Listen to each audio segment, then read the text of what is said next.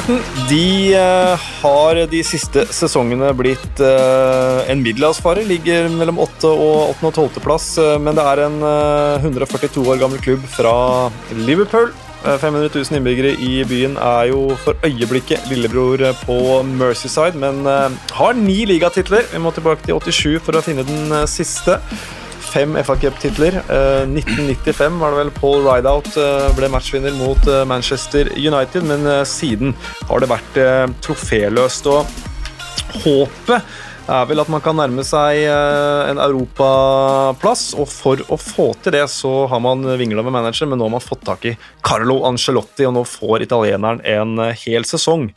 I hvert fall. Vi får se. det er ikke helt sikkert. men vi skal prate om uh, sesongen, og for å gjøre det, fotballreporter i TV 2, Helge Kalleklev, velkommen. Tusen takk for det. Ved din side har du uh, Solveig Gulbrandsen, ekspert og x antall tusen landskamper for Norge. Jo, takk.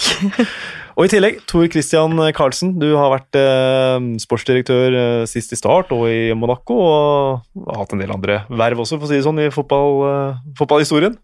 Ja, og eneste her som er gammel nok til å huske Everton vant siste ligatittel, ja. tipper jeg. Ja. Og det er en erfaring vi skal nyte godt av. Og også det med overganger, for det skal vi snakke um, om i denne poden. Selv om Everton per nå ikke har signert noen, så er det mange hete rykter, og de to heteste når vi sitter her nå, de er, det er James Rodriguez og Allan. Um, så kan det være de er signert når vi, her blir publisert, men da får vi bare ta det. og Uh, vi snakka litt om det før vi starta her, uh, Tor Christian. Mekanismene i, i, på overgangsmarkedet når det liksom kommer sånn Kommer han, kommer han? Han er uh, straks klar. Hvordan, kan du fortelle litt om det?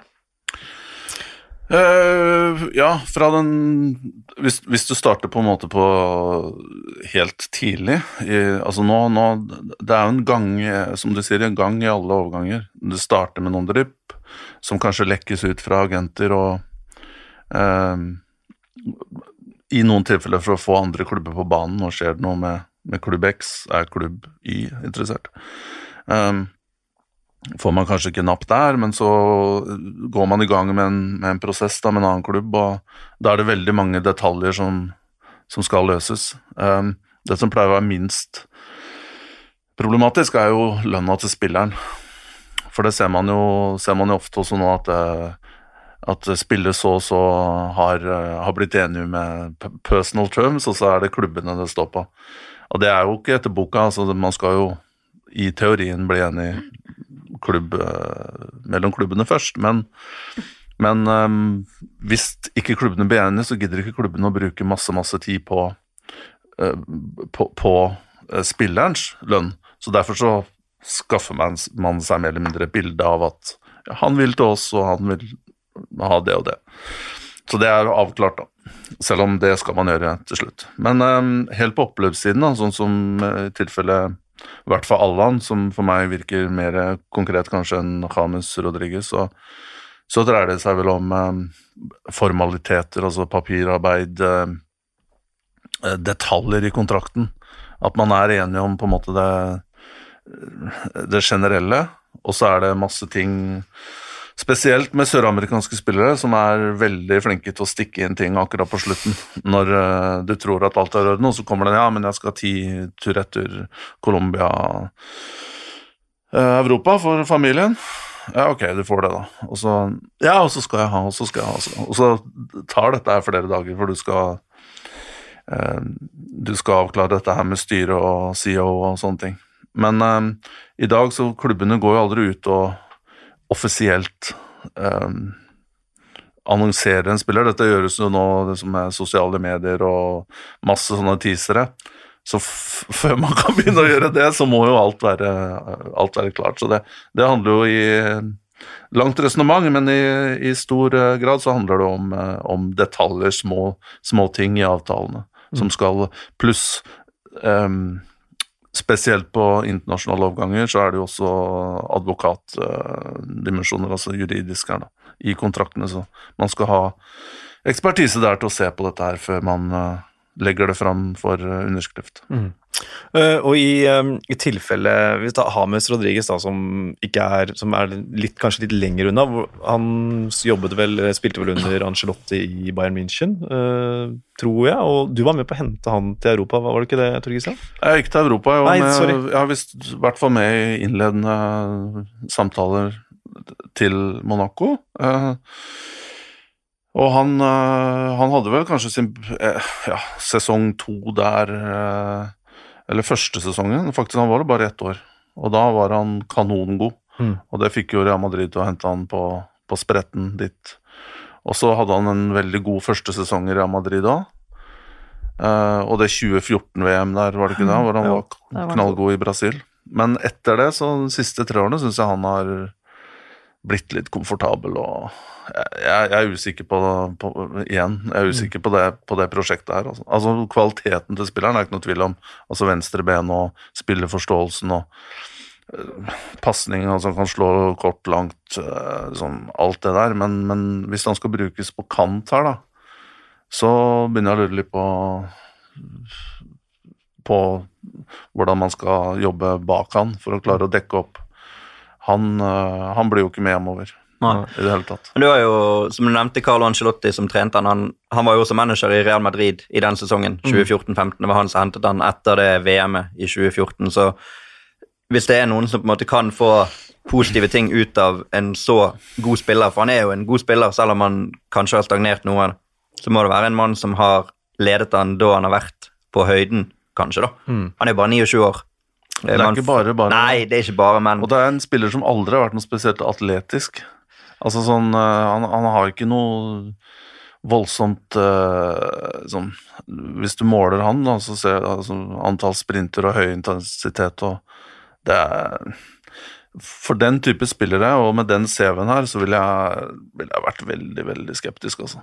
Og det er, det er moro, det er sånn der Latin Lover-affære, dette her. At første par ukene så er det veldig moro og het kjærlighet.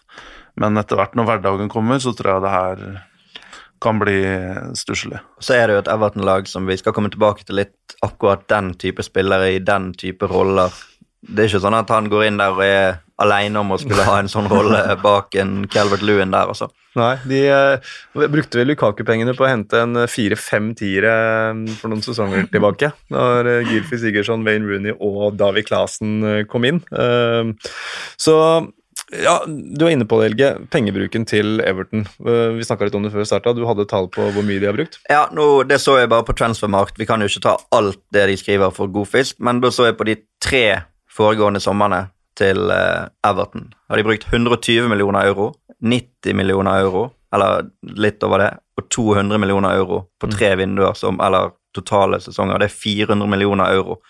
Det er faktisk 4 milliarder kroner som Everton har brukt på da å sikre seg OK spillere, men i resultatmessig to åttendeplasser og en tolvteplass. Og det er ikke sånn at de var nummer 17-16 på tabellen før de begynte å bruke disse pengene. De ble nummer syv året før.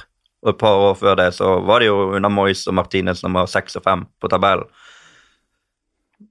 Så litt fra utsiden Jeg kjenner ikke Everton førstehåndsdetaljert kunnskap på akkurat hvordan ting har fungert på overgangsmarkedet, men at de har fått lite igjen for noen av de investeringene de har gjort, det kan det ikke være særlig mye tvil om. De har også i løpet av denne perioden sparket både Ronald Koman og Marco Silva, som har relative Ja, han hadde jo Han kunne sikkert fått det til å fungere vel så bra, han hadde han fått tid, men det trenger vi ikke å snakke om nå. Men prestisjemanager eller ansettelser også, da, faktisk, på et vis. Altså Koman som ble lokket fra en Nå er det han Barcelona-sjef, men eh, Marco Silva også var jo et hett navn som de først prøvde å hente fra Watford og ikke fikk det til første gangen. Sant? Så at det har vært en del feilvalg i Everton de siste årene, kan det ikke være noe særlig tvil om.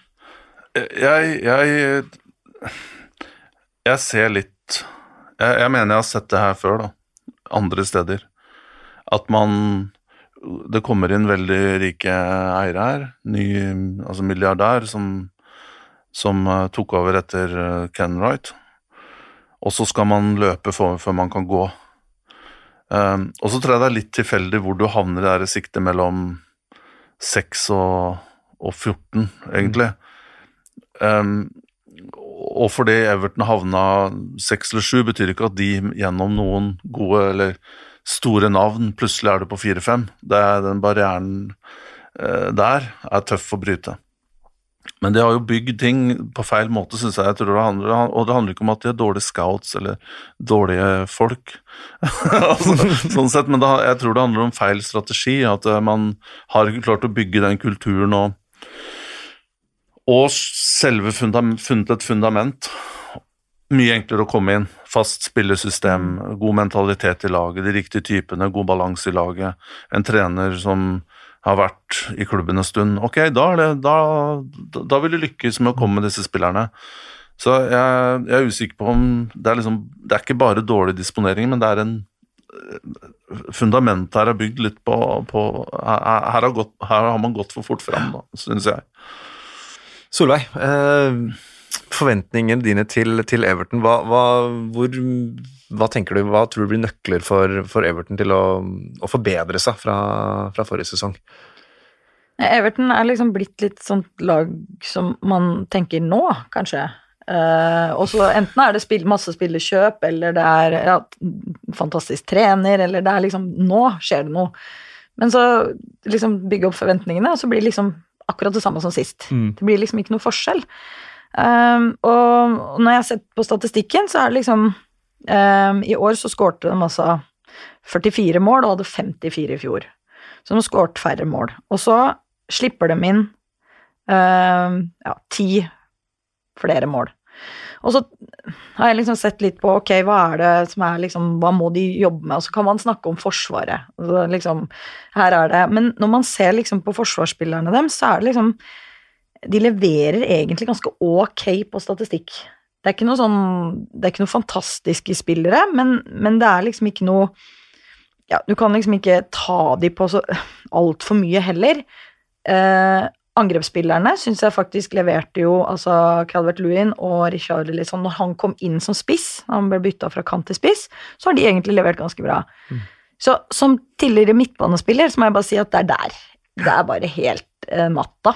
Ja. Eh, og der, der, leste jeg om, faktisk, at det var noen som Det kom en sånn eh, eh forklaring på Evertons midtbane, og da sto det 'no pace, no power and no penetration'. det er tynt. Eh, det er ganske tynt. og det er litt sånn jeg kanskje føler det. Og så veit jeg også sjøl som midtbane at en flat 4-4-2-formasjon det er Altså, enten skal du være utrolig god for at det skal funke. Eller så er det utrolig slitsomt. Altså To stykker alene på den midten, hvis du har to sånne kanter som tror de er kanter, som aldri kommer ned og inn og hjelper til, um, og som er veldig offensive eller noe sånt, eller ja. Så det er noe med hele systemet her som jeg ikke får Altså har de riktige spillere til det de ønsker å prøve å få til, um, ja, og at de også må De må styrke midtbaneleddet. Mm. Um, Men det gjør de jo. Altså, ja. den Allan vi, vi, kan nesten anta at den går i boks. sant? Altså, det må vi jo kunne si. Og da Jeg mener det har potensial til å bli en av sesongens store signeringer. Fordi at han har akkurat det som trengs da, i det Everton-laget. Altså, han har vært såpass god i Serie A nå lenge, og så er jeg fullstendig klar over at det er en annen verden å spille Premier League kontra å spille Serie A. Men de egenskapene han har, hvis han kan fungere på samme måten i det Everton-laget De hadde Idrissa Gay, som gikk til PSG, som var kjempegod for dem. Mm. Så hentet de inn han eh, Kibamin, som ble skadet med en gang. Som forhåpentligvis skal kunne være tilbake igjen. Så det er en helt annen midtbane de kan komme til å stable på beina. Som også da danner et mye bedre grunnlag for at de offensive spillerne de skal kunne komme enda bedre til rette. da. Men jeg, jeg, jeg tror ikke nødvendigvis at det er forsvarsspillerne som ikke er gode nok. For både Holgate og Michael Keane nok, har nok, som du sa på statistikken, gode individuelle stats, da. men mm. du må henge sammen som lag. André Gomez var jo i ferd med å bli bra, og så fikk han det grusomme beinbruddet. Men er en god fotballspiller. Så Men ikke for to på midtbanen som Solveig? Nei, sant? det er det som er greia. Han, han, er ikke Men der kan Allan være, og han Gibamin hvis det Men, men det er der han Anslotti må gjøre noen valg, da, for vi, han, han må på en måte du må se litt hva du har, og det er jo der en del trenere er veldig sånn 'Jeg er sånn her, sånn skal jeg spille, dette er min formasjon', og så gjør man det. Eh, men hvis du ikke får inn de spillerne som passer til det, så må du faktisk kanskje tilpasse deg. Og det, det tror jeg Jeg tror med noen grep med såpass ok spillere som de faktisk har, så vil det Fordi eh, angrepsrekka der òg, med altså Calvert Lewin uh, skårte 13 mål, han er 23 år. Richarlison, uh, han er 23 år, og Moise Keane, som da er bare 20 år, og kom nå første gang, så den sesongen her, så tenker jeg at de har jo virkelig noe å bygge på. De fikk liksom en sesong nå på å på et, et, ganske høyt nivå, da. Og så tenker jeg at da, hvis de blir serva litt mer, eh, og har en sikkerhet bak seg, så har de jo noe å bygge på. Men da det er jo som jeg sier, men da må, da må systemet fungere, og så må de ha riktige spillere til systemet. Jeg tror Angelotti sover dårlig om nettene nå. Fordi jeg, jeg, er ikke helt enig i at Allan er svaret på alle disse søvnløse nettene hans. Uh, og han hadde jo, Dette er også en Angelotti-spiller fra Napoli, altså de kjenner hverandre jo Ja, det er jo det jeg baserer det på, den ja, suksessen han absolutt. hadde under Angelotti. Da. Men samtidig, det er jo en, i mine øyne så er Allan en grovarbeider. Han, han har frekvens og hurtig så han klar, kommer til å klare seg Han kommer hurtig opp i situasjonen, og god kontringsspiller også når han plukker opp ballen og kan forsvinne med den, men jeg er litt sånn og så lenge ikke, ikke Gomez på en måte er den han, den han var, og Eh, hva skal man gjøre da? Skal man ha Davies og Allan der, og så skal man spille med Rames da, som en, på en måte en tier, og så med, med en spiss foran, hva gjør du da? Hvor er Charlison ute på kant igjen? Cal Calvert Lewin, er er det nok? Mm. Mm. Jeg, jeg, ser et lappeteppe her, jeg. Uh, og jeg, jeg, tror ikke Angelotti For det første, jeg syns det er overraskende at han tok den jobben. Uh, og jeg er usikker på om det er riktig at Everton valgte Angelotti.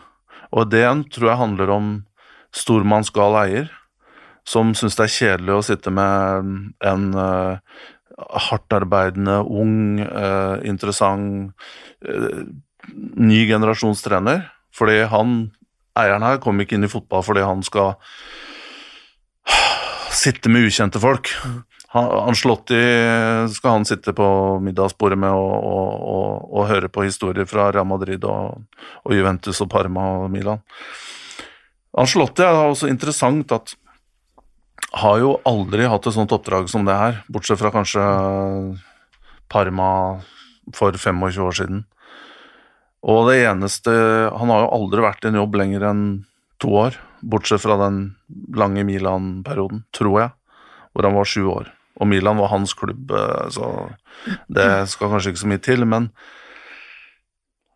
Angelotti har jo vært en type som har kommet inn fordi du skal ha en stabilisator og en som er god, en som er god politiker og god til å manage oppover. Som er god til å håndtere relasjon med eier, presidenter, god med media, lugn. Men er han en trener som på en måte orker å gå inn i detaljene, jobbe for å liksom sette dette her? Um, og, og, finne liksom nye konsepter. Han har sikkert dyktige folk rundt seg og sånne ting, men, eh, men uh, jeg, jeg syns det var feil feil mann, altså feil, feil oppdrag for Angelotti. Det, det, var jo veldig Eddie Howe-navnet sirkulerte jo lenge der. Han er jo Everton-supporter, har vært liksom et navn som har uh, blitt dratt opp hver gang Everton skulle bytte sjef. Nå er jo han uten jobb og kommer til å bli linket til alle potensielle jobber i Premier League igjen. Så hvis det går litt gale for Angelotti og han backer ut der, så tipper jeg nok han kan, eh, kan nevnes der, da. Men du har jo jobbet i Frankrike i den perioden Angelotti var der. Og du ja. nevner at han er fin i media, og han er jo en utrolig fin fyr. Jeg skjønner. Ja, ja, det må jo Og det, det, er jo, det er jo på en måte den mediepersepsjonsbiten. Det er jo det som eh, avgjør hvem som får hvilke jobber. Mm. Og det Jeg kan jo også røpe at det er ikke Noen er mer sofistikert enn andre, helt klart. Men når alt kommer til alt, så er det de med pengene som avgjør hvem som blir trener. Det er de som skal betale for de lønningene. Og de med pengene orker ikke å sitte og lese lange analyser og tall og høre på Kwan som kommer med det ene og andre. De skal se en person som de syns er kul å jobbe med, spennende, som har vært med på ting, har en kul se Oi, Real Madrid, PSG, han skal vi ha. Sånn tenker de. Og så vi kan prate om prosesser, vi kan snakke om eh, sånn målbarhet, målbare ting til kyrne kommer hjem. Men Angelotti er en type som folk ansetter fordi han er lugn, hyggelig, ser litt hamsterkinn, han glad i mat, og folk er, føler behag da i hans, i hans nærvær. Og det er jo ikke noe tvil om at sånn her type lag, altså midt på tabellen, med litt sånn rot, bytta en del trenere nå, ikke helt sånn kontroll på spillelogistikken, kanskje. Altså det er litt sånn blanding av type spillere. Eh, så er det ikke noe tvil om at det er en type jobb som trener som krever litt, da. Du skal, du skal danne kultur, du skal, du skal, kanskje vurdere spillestil, formasjon. Du må virkelig gå inn for å gjøre en jobb, da. Um, for jeg har vært borti det. Det å trene det beste laget med de beste spillerne er litt sånn som vi snakka om, at uh, det er flyt. Du kan tenke på deg sjøl, ditt lag, og så bare går dette litt av seg sjøl. Og du har de beste spillerne som har litt X-faktor, som avgjør matcher.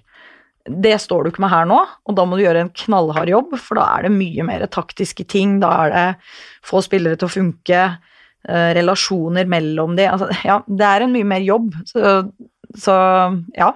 Det er jo litt interessant at en, spiller, nei, en trener som Angelotti går inn i det, tenker jeg da. Ja, jeg, jeg, jeg, tenker han hadde vært optimal nå, sånn, bare som konsept da, for Barcelona.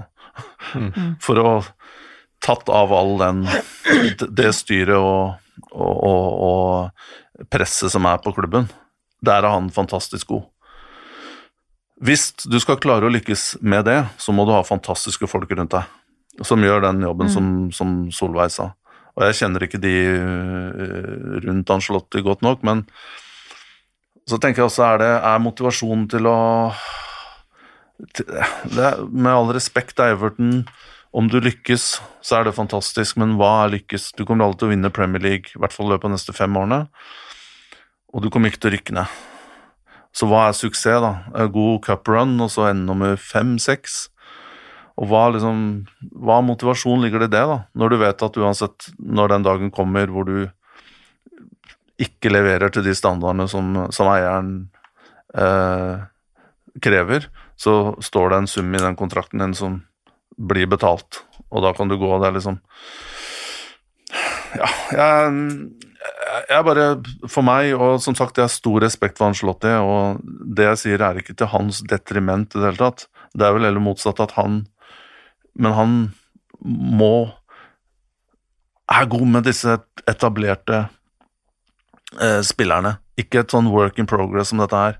Da må du ha en som Kanskje Eddie Howe, da, som du sier, Helge. Som, som kan uh, gå inn med, med, med å få møkk på henda, som man sier på østkanten av Oslo. Ok, Hva, er, eh, hva vil du anse som suksess for Everton denne sesongen, Helge? Da tenker jeg at de må ha merkbar fremgang. Og så er det noe med at resultatmessig suksess er jo litt avhengig av uh, hvordan de andre lagene gjør det også. Altså, Everton kan jo gjøre en kjempesesong, og så gjør alle de andre en kjempesesong. Manchester United hadde jo suksess forrige sesong, men de var jo ikke poengmessig noe bedre enn de var sesongen i forveien. Sant? Så det tenker jeg at Everton må nærme seg de andre lagene. Uh, Leicester var, jeg, klarte å bryte inn der i fjor, Wolves var i nærheten. At Everton må være der oppe. Føler jeg at de det må til for at Angelotti skal kunne si at han har hatt suksess. Mm. Men jeg tenker ikke at han liksom må bli nummer seks, for det, det kan være helt avhengig av uh, veldig mange ting. da. Det vil jeg tenke som Everton-supporter at hvis de nå er oppe der og tar det steget, ligger rundt sjette-syvendeplass, så er det bra, da. Mm. I en første hele sesong under Angelotti. Og så tror jeg at de på sikt ønsker å etablere seg igjen på et enda høyere nivå. Men det er jo kjempevanskelig i den verden som er i England nå, med så mange gode klubber der oppe. Men de har et nytt stadionanlegg de skal inn på. Tottenham var jo klar på det at Pochettinos jobb var jo å få de tilbake til Champions League da de skulle inn på nytt stadion. Og så har jo han hele tiden vært klar på at ja, de klarte jo det lenge før. Sant? At de har ligget hele veien foran prosessen. Men at det er også noe de har som målsetting i Everton. Det kan ikke være noe tvil om at når de skal ned der og spille i de der blå lysene nede ved Mercy der og eh, spille Champions League-fotball må jo være det målet i løpet av en fire-fem år. Mm. De har jo, eh, Du var litt inne på det i stad, Solveig, med, med, angrepsspillerne. Eh, og, Calvert Lewin fikk jo en voldsom oppsving under Angelotti. Hadde vel åtte mål på de første ti der, og så ble det litt uh, måltørke. Men um, har du troa på at Calvert Lewin er, er den spissen uh, som, som, Everton trenger? Nei, altså Alle vil vel ha en spiss som du veit leverer mm. varer. Mm. Um, og det var vel eh, var det Lukaku som var, var der, Ja. og leverte liksom 20 mål. Uh, Da snakker vi. Altså hvis du er oppe på litt sånn oppe på toppskårernivå, så vil de vel være fornøyd. Men jeg tenker, når han leverer 13 mål i en ikke så veldig bra sesong, Mm. og er 23, så er det jo noe å bygge på, i hvert fall. Ja. Og det er ikke lett på sånne lag på midtsjiktet og få tak i sånn den beste spissen. Så sånn sett så tenker jeg at det er ikke der problemet er. Problemet er eh, litt De bør kanskje ha litt bedre bekker, kanter og midtbanespillere. Mm. Det var ganske mange. ja, ja, ja, det blir, det Og så kommer vi til at de må også gjøre noe med keeperen. Ja. Ja. Det- Keeperen, han, det, og det er jo et, det er en het potet i Everton. Vi skal eh, etter hvert litt seinere høre fra, fra Everton-supporterne og har meninger der også, så vi tar det, tar det litt etterpå. Men du er inne på bekkene også, Solveig. De har Leighton, nei, Luke, så Leighton Baines har de ikke lenger, for han har lagt opp, men Luka Din er jo klink førstevalg på venstrebekken. Så har de Seamus Coleman og CDB på høyrebekken. Der trengs det kanskje en, en oppgradering. Sidibe er borte. Han er borte, ja. Ok, Da er det John Doe Kenny som kommer tilbake fra Schalke, så de har i hvert fall to bekker, da. Men, ja.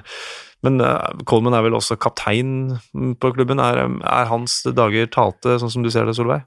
Um, Kanskje litt voldsomt å si det, men han er jo eh, ikke like Som, som er- fotballspiller, vel å ja, merke. Han er jo ikke like god lenger. Nei. Det er ikke noe tvil om det. Uh, så det er jo et problem, og så er det jo da Bekkplassen er blitt såpass viktig at, at de bør jo også ha noe konkurranse der.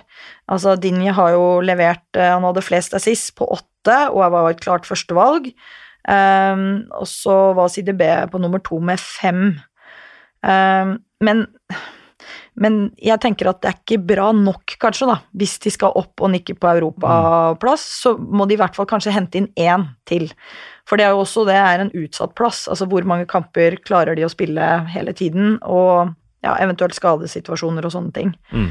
Så eh, en bekk tror jeg kunne vært greit å hente inn også.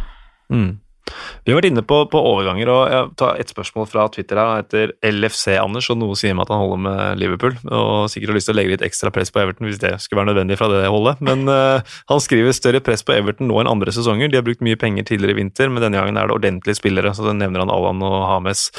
Um, så er det ehm, Er det større press på Everton enn det har vært de siste sesongene inn mot en ny sesong? Christian, hva tenker du om det? Ja, det er jo det.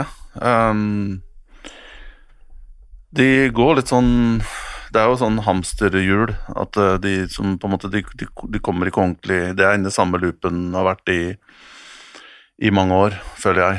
Men det er jo først siste tre-fire årene, som Helge sa tidligere, at det har blitt investert sånn, sånne summer som gjør at forventningene øker da, eh, stort. Um, igjen tilbake det jeg sa tidligere, at jeg føler at det Jeg hater det ordet, prosjektet. Jeg sitter med sånne store anførselstegn her nå i studio. Men um, at det har blitt uh, At strategien her har slått litt feil, da. Um, ja, man har noe- man har noen lovende spillere her, også fra egen, egen ungdomsavdeling, som er spennende og på vei oppover. Og så har man Keane, som vi prata om, som Men jeg syns det er litt mange mette spillere, og i hvert fall som i eh, det er fare for er mette. Og det, jeg setter også kanskje ikke Allan, som er en sånn sliter og arbeidsmaur og, og kjapp i føttene, men at Hames kan være veldig mett. Det tror jeg er en eh, stor mulighet for. Og da, den derre tankegangen der om at man skal hele tiden Løsningen til lagets framgang, det ligger i enkeltspillere. Da er man på feil, på, på, på feil spor. Og det øh, og, da, og det tror jeg eiere sånn som Moshiri og sånn er veldig opptatt av. Jeg har også vært i situasjoner hvor etter kampene og jeg har hørt personer av samme la oss si, rang som han, da, så er det liksom alt snakket er bare om å, han var han god, han ikke god. Og liksom, alt handler om enkeltspillere hele tiden. Jeg tror største suksessen som Angelotti kan bidra til her, hvis han er motivert og hvis han virkelig eh, får ut det han har av, som fagmann, det er at vi opplever et, eh, et, et godt strukturert Everton. Um, og klarer å bringe stabilitet, at det ikke bare blir en uh, sånn eh, revolving door, da. Svingdør, spillere inn og ut, prøve ditt, prøve datt. Ligger på tolvteplass i januar, og så er det ny runde med spillere inn. ikke sant? Den loopen der må du komme deg ut av på et eller annet tidspunkt, og Everton er ikke der, føler jeg. Så jeg vil se noe stabilt, spillere som, som forbedrer seg hele tiden, og, og at disse unge lokale her får en sjanse. For meg så er det suksess, og da spiller det ikke så mye rolle om du blir på sjette eller tolvteplass, i mine øyne. Som i de andre så skal vi høre fra de norske supporterne, og bare få si det at hvis de vi prater med skulle snakke om spillere som ikke har blitt signert eller signert for andre klubber, så kan dere rette sinnet mot meg og ikke supporterne, for det intervjuet er gjort i forkant, sånn at uh, det er eventuelt jeg som skal henges ut i tørk for å ha stilt spørsmål om, om det, bare så det er helt klart. Men vi var heldige for å prate med Helge Grunnevåg. han er leder i Everton Norge, og her er Everton-supporternes forventninger før sesongen. Da har vi fått med oss Helge Grunevåg. Du er leder i Everton Norge. Tusen takk for at du har tatt deg tid til å bli med oss. Jo, bare hyggelig. Og det er vel Tar du fri fra egen podkastinnspilling for å være med oss, eller? Nei, eh, ikke i dag. Men eh, det er helt korrekt. Vi har en podkast som heter Goodison Roar, som er oppkalt etter det gamle medlemsbladet vi hadde for en del år siden, som vi måtte legge ned. Ah. Uh, og denne, Vi har hevet på denne podkastbølga, og det er nytt for oss, men uh, veldig lærerikt og veldig gøy å holde på med. Det høres uh, veldig bra ut, så er det bare å, å sjekke ut den for, for alle Everton-supportere når dere er ferdig med denne episoden. Og da, da, kan vi gå videre til hva forventer du utover denne sesongen, eller hva er forventningene til sesongen som kommer nå, Helge? Det er et vanskelig spørsmål, egentlig. fordi det er klart I Angelotti så har vi en, en verdensklasse manager, uten tvil. og nå har klubben tulla lenge nok. Nå må de opp i ringen og nå må de vise at de mener alvor. Uh, og jeg tror ikke Carlo Angelotti uh, hadde tatt jobben hvis ikke han hadde fått lovnader om at det skal handles. Uh, vi balanserer nok på en knivsegg i forhold til Financial Fair Play. Mm. Jeg er fremdeles litt usikker på hvor mye den City-dommen har å si for dette. her. Mm. Moshiri som eier Everton han har sagt gjentatte ganger at det hadde ikke vært noe problem for Everton å tatt en, en City eller en Chelsea på en måte. Men uh, Financial Fair Play hindrer i det. Um, men det blir nok handla inn litt. Uh, det er en del daukjøtt i den stallen vår, så forventninger det er vanskelig. Men uh, framgang i forhold til i år, må man vel si. Mm. Og så er det veldig mye avhengig om, om vi får, får inn spillere. da. Men det er, ja, og det er selvfølgelig litt sånn vanskelig nå, i, i og med at vi snakker sammen nå i, i slutten av august, og overgangsvinduet stenger jo ikke før i oktober heller, så det, det kan skje masse etter seriestart også. Men um, som klubb, da, er, er, um, er, det realistisk med en topp seks og topp sju som, som, um, som, en drøm eller som en målsetting i den sesongen som kommer, Helge? Hvis vi får inn de rette typene og, og hvis det er spillere som uh, presterer bedre enn de har gjort i inneværende sesong som var, mm. så er nok uh, den sjuendeplassen iallfall realistisk. Ja.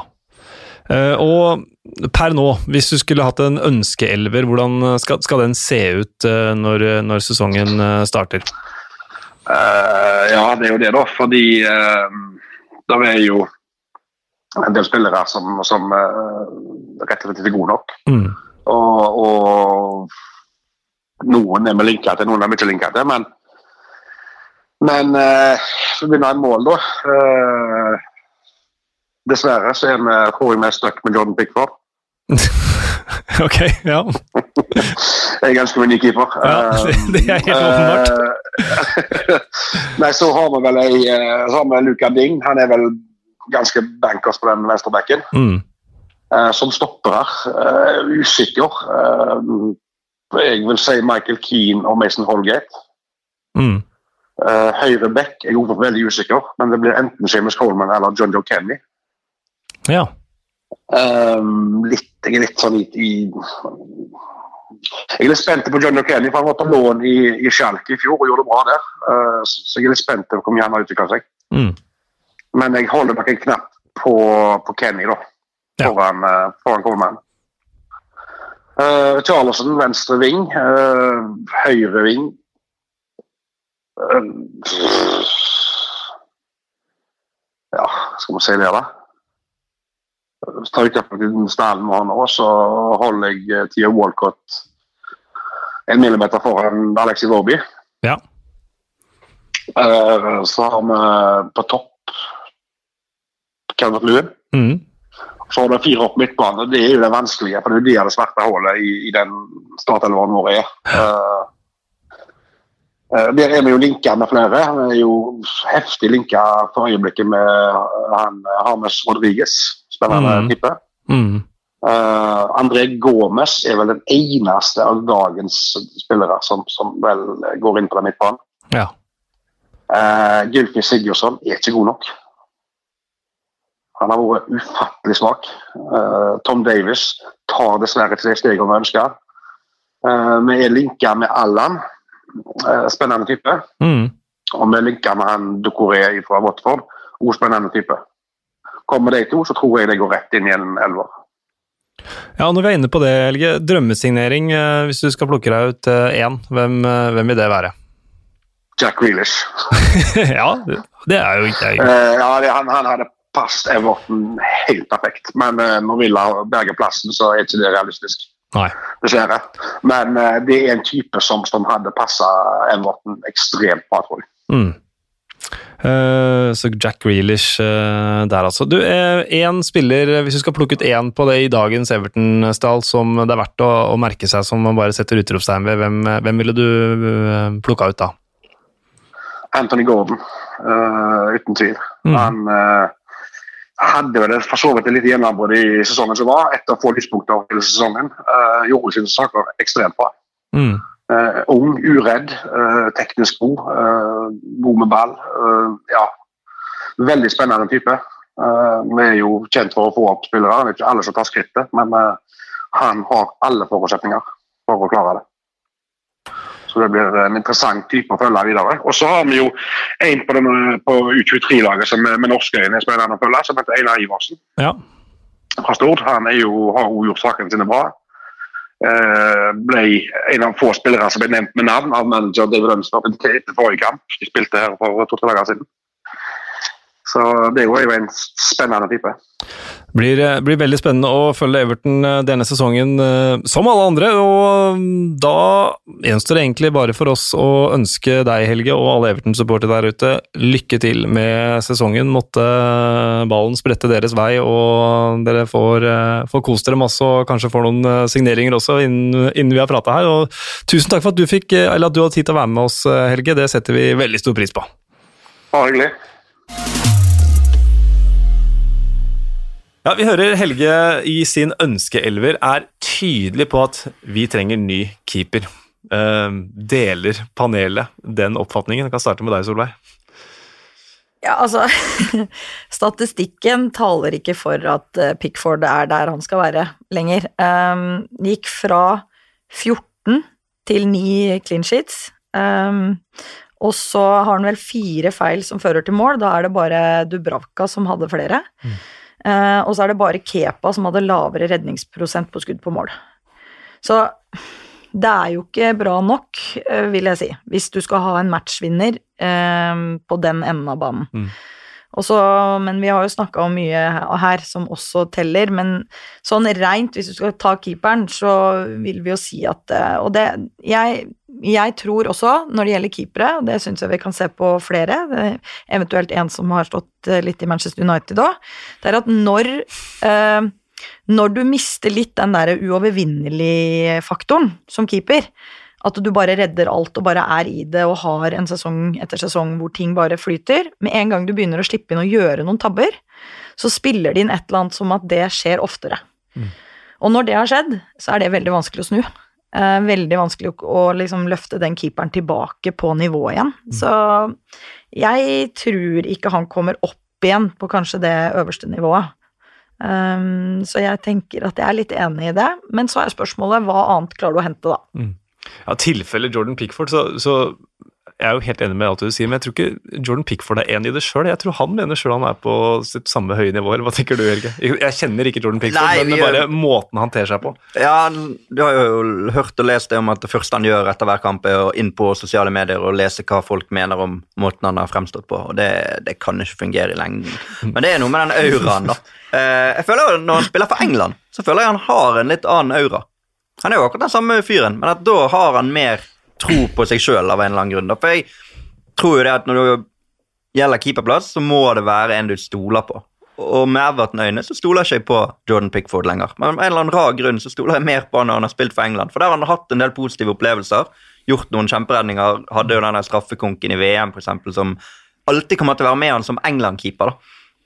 Så han er jo fremdeles førstevalg på England. Sånn i hvert fall, Nå har jo ikke de spilt landskamp på ni måneder, så det litt vanskelig å si, kanskje, men uh, tipper at det er han som står nå. Og um, Sergio Romero var for øvrig et rykte jeg leste her hin dagen om at uh, de ville prøve å få han fra Manchester United, men jeg er jo ikke der at liksom, jeg føler at det er noe sånn enorm uh, kjempe-førstekeepervalg for Everton heller, men um, jeg tror jo han Min navnebror Helge i intervjuet her sier jo kanskje ting litt fra hjertet også, og det er lett å på en måte kaste ut at ja, vi vil ha en ny keeper. Uh, så, men selv om jeg er helt enig, og han var en kul fyr, og jeg digger at supporterne kommer med sine synspunkter, men jeg tror også at man som supporter er ekstra kritisk til sine egne, da. I hvert fall erfaringsmessig, så syns jeg det.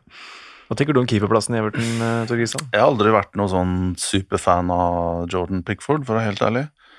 Uh, Dette er 100 pers personlig preferanse, men jeg syns han er litt for kort. Jeg vet ikke om 85-86 eller noe sånt. Jeg vil gjerne ha keeperne mine over 1,90. Og som sagt, dette er helt, det er mange eksempler på keepere som er gode under det, så bare legg den død. Men um, Og samtidig syns jeg ikke han er enig med Helge at han ikke har den autoriteten, altså naturlig roen. Det er mye famling og som i boksen, tighte situasjoner. Han kommer ikke ordentlig eh, liksom opp i, opp i situasjonene der. Um, samtidig, han er 26 år, da. Er Liksom, han er ikke inne i beste keeperalderen ennå. Så Men det med keeper er også ekspert Ekspert eh, Altså, skal til Erik Thorstvedt her, da, til, å- til å bidra at eh, jeg er ikke noe veldig ekspert på keepere. Jeg har aldri scouta noen keepere i noen særlig grad. Uh, og al- vi har alltid, de klubbene jeg jobba for, har hatt keepertrenere eller la oss si spesialister da, til å se på, på keepere. Men min personlige på en måte u... u eh, hva skal jeg si u, eh, akademiske mening, det er at han eh, Det er, det er ikke min keepertype, men som Solveig sier, finne en keeper nå. Chelsea er på leting, har ikke funnet noen foreløpig. Og jeg tipper jo at Everton prøver seg i det samme terrenget som, som Chelsea gjør. Um, men eh, det, er, det er ingen enkel jobb, og man ser selv de største klubbene Vi snakka om Manchester United og, eh, og andre. Chelsea sliter jo der, så det er jo Tottenham òg, da. Kanskje ikke heller 100% fornøyd med keeperen, så det å finne en keeper som er som du stoler 100% på, og samtidig i dag så skal du være god til å holde ballen ut av nettet, og du skal gå med beina i tillegg. Det er han jo. Han er god med beina. Pickford. Ja da, Der- men da tenker jeg på Ja, da, jeg han er det. ikke god til Han er ikke god til å holde ballen utenfor nettet, som Solveig har dokumentert. Nei, det må være pri én. Det må det faktisk Ja, være. så jeg vet ikke. Det er, det er en tung jobb. Og så er det jo litt Som keeper så veit jeg jo at Eller jeg veit egentlig ikke så mye om det. du har scoret på laget. Er det én plass jeg ikke Tenk på den setningen du sa der. så Som keeper så vet jeg jo det at Jeg sa ikke som keeper. Eh, men eh, men eh, jeg har følt på det, at når Forsvaret fungerer veldig bra, så blir keeperen bedre. Altså Når forsvarsspillet til et lag er bra, og det er god samhandling mellom keeper og, og spesielt stopperne foran, da, så blir keeperen veldig mye bedre. Um, og jeg og vi, ja, nå hadde jo Everton de dårligste statsene de har hatt, da. Eh, og så fant jeg litt sånn Jeg syns egentlig det er litt sånn fun facts på noen av de, for jeg har jo fortsatt skyldt litt på midtbaneleddet, og der mener jeg at når det er to stykker på et midtbaneledd, og de to skal dekke opp for veldig mye, og de ikke fungerer, så blir det vanskelig for et forsvar og keeper også. Eh, og da, Et eksempel er eksempel Gomez er spilleren som er blitt dribla mest i Premier League. Mm. Da har du ikke, som, som midtbanespiller da, hvis du er en av de to da, innimellom, så er du ikke akkurat defensivt orientert, hvis du nekter å takle. Eh, I julitapet mot Tottenham leverte midtbanen fem taklinger. Eh, altså det Da Der vil Allan være med å få folk. ja, så ikke sant, du Ja. har jo noen sånne ting, og så ja, um, Det er på en måte en total her òg. Så spørsmålet er hvis de ikke klarer å hente en god nok keeper, så kan det hende at de må begynne å gjøre andre ting for å hjelpe keeperen til å bli bedre, da. Kanskje Anslotti kan øh, hjelpe Pickford til å bli bedre, det får vi se på. Altså, vi kan bare ta, når vi nærmer oss slutten, men øh, de sesongåpne borte mot øh, Tottenham, det blir jo selvfølgelig en, en tøff match, og jeg tror sånn, uten at jeg har tallene i hodet, at Tottenham har veldig bra tak på Everton. Ja, de er det laget de har best tak på i. Ja, da var ikke det helt eh, på jordet. Men så kommer West Bromwich, Palace og Brighton i eh, tur og orden. Og det er jo sånn når du starter en sesong, så er det selvfølgelig fallgruver eller plusser og minus som alt, men det er klart hvis man ikke står med ja, en åtte-ni poeng hvert fall etter de fire kampene, så er vel fort uro igjen i Everton, vil jeg tro. Selv om på papiret, da. Så vi vet ikke helt hvordan West Bromwich kommer til å se ut, eller Palace, eller for den saks skyld, men på papiret så er det kamper som, som man bør hente bra med poeng i. Ja, det er jo sånn alltid med et kampprogram. Du ser på Hvis det går bra, så er jo det kjempebra å ha de lette kampene i begynnelsen. Men hvis ikke det går bra, så er jo det det verste du kan ha i begynnelsen. For da, kan du i hvert fall støtte deg på at eh, vi har møtt gode lag, det er derfor det har eh, sett tøft ut. Så det, men jeg er jo helt enig med deg. Eh, jeg ser ikke vekk fra at eh, Everton kan ta poeng i første kamp mot Tottenham heller. Altså, den Angelotti-Mourinho-duellen er jo noe av det største i runde én. Og eh, det var en, det er kanskje den kjedeligste kampen i hele sommer. Det var den Tottenham-Everton-kampen i Var det juni du sa? Juli? Eh, de vant 1-0. Deflection fra Giovanni Lo Celso via Michael Keane. Den, da, den kampen ja, den var utrolig kjedelig fra, begge lag. Selv om Tottenham vant, så var det ikke noe gøy kamp å se på. Men hvis de får med seg poeng der, og så skulle slå West Bromwich og slå Palace og slå Brighton, så har de plutselig fått en kjempestart. sant? Og så møter de Liverpool. Ja, sant. Så det, det er litt sånn der todelt, det der med hva, hva kamper som er best å ha i begynnelsen. Mm. Tor Christian, hvilket sjikte tror du Everton kommer til å forbinde seg for, Eller forbinde seg? Nei, forholde seg, eller bli? Jeg klarte jeg klarte ikke å stille det spørsmålet, men skjønner du hva jeg mener? Ja, jeg skjønner. jeg, jeg, jeg tror de er eh, nesten for all overskuelig framtid stuck i den derre mid-table-myra, altså. Jeg, jeg ser ikke at dette her er Og må alle Everton-supportere unnskylde meg for negativiteten her. og, og det er en fantastisk klubb. Og som sagt, jeg husker jo tross alt at de vant eh, seriegull, så jeg har jo gode, til og med gode minner jeg, fra, fra Everton.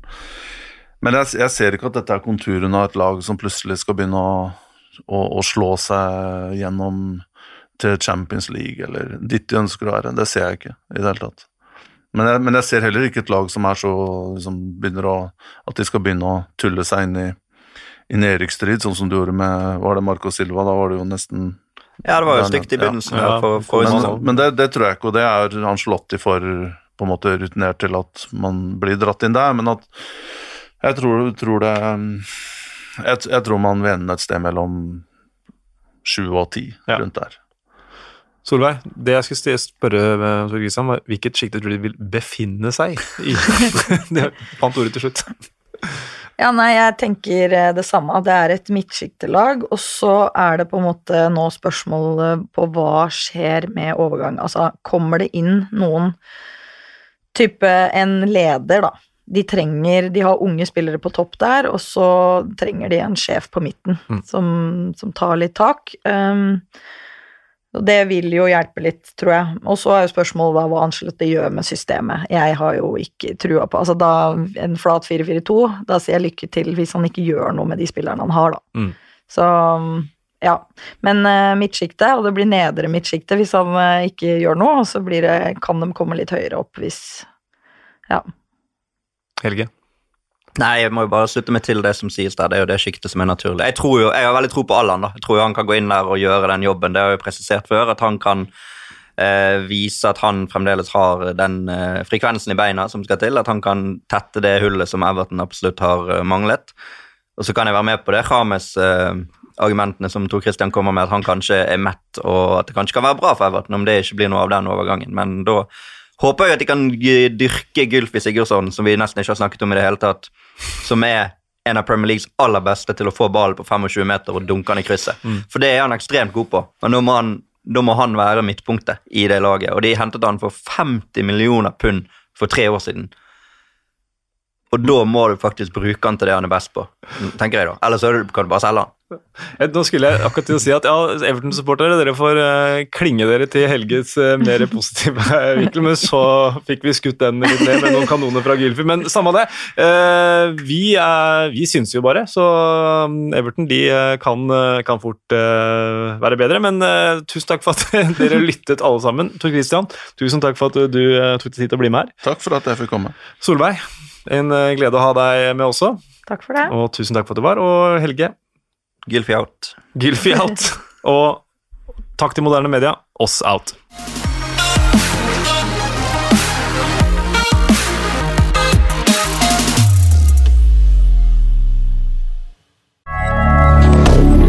Moderne media.